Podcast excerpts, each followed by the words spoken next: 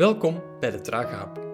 Vandaag een korte gedachte waar je lang op mag kouwen over Lucas 18, vers 31 tot 43. Zien. Daar gaat het in dit gedeelte om. We lezen eerst dat de discipelen niet begrijpen wat Jezus zegt over zijn aankomende lijden, sterven en opstaan. Zij zien niet, in figuurlijke zin. Daarna ontmoeten ze een blinde aan de rand van de stad, aan de rand van de samenleving. Hij verstoort de vrolijke optocht door te roepen: Jezus, zoon van David, heb medelijden met mij. Hij ziet wel, in figuurlijke zin, begrijpt wie Jezus is. Toch snauwen de mensen: Hou je mond! Maar de man roept steeds harder.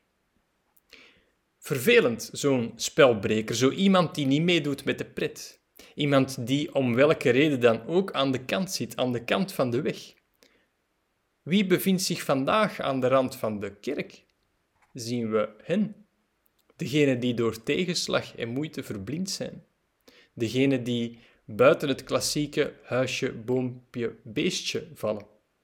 Degenen die rouwen, degenen die worstelen met hun identiteit, tieners, volwassenen, om welke reden dan ook. Degenen die zich amper herkennen in het opgeruimde, opwekking zingende christenbeeld en zich daardoor ontheemd voelen. Zingen we zo luid dat we hen niet horen? Maken we hen mond dood? Of mogen ze roepen? Geven we hen de ruimte om tot bij Jezus te komen? Of nog beter, maken we plaats, lopen we naast hen en helpen we hen tot bij Jezus? De meeste mensen komen wel eens op het punt dat ze het zicht op God kwijtraken. Als je dat bij jezelf herkent, mag je in navolging van de blinde een rauwe schreeuw tot God richten. Heb medelijden met mij, zorg dat ik weer kan zien.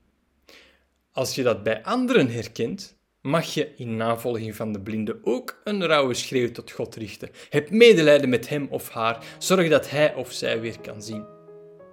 Wie bevindt zich vandaag aan de rand van de kerk? En hoeveel ruimte geven we om te roepen? Kou er maar verder op. Smakelijk.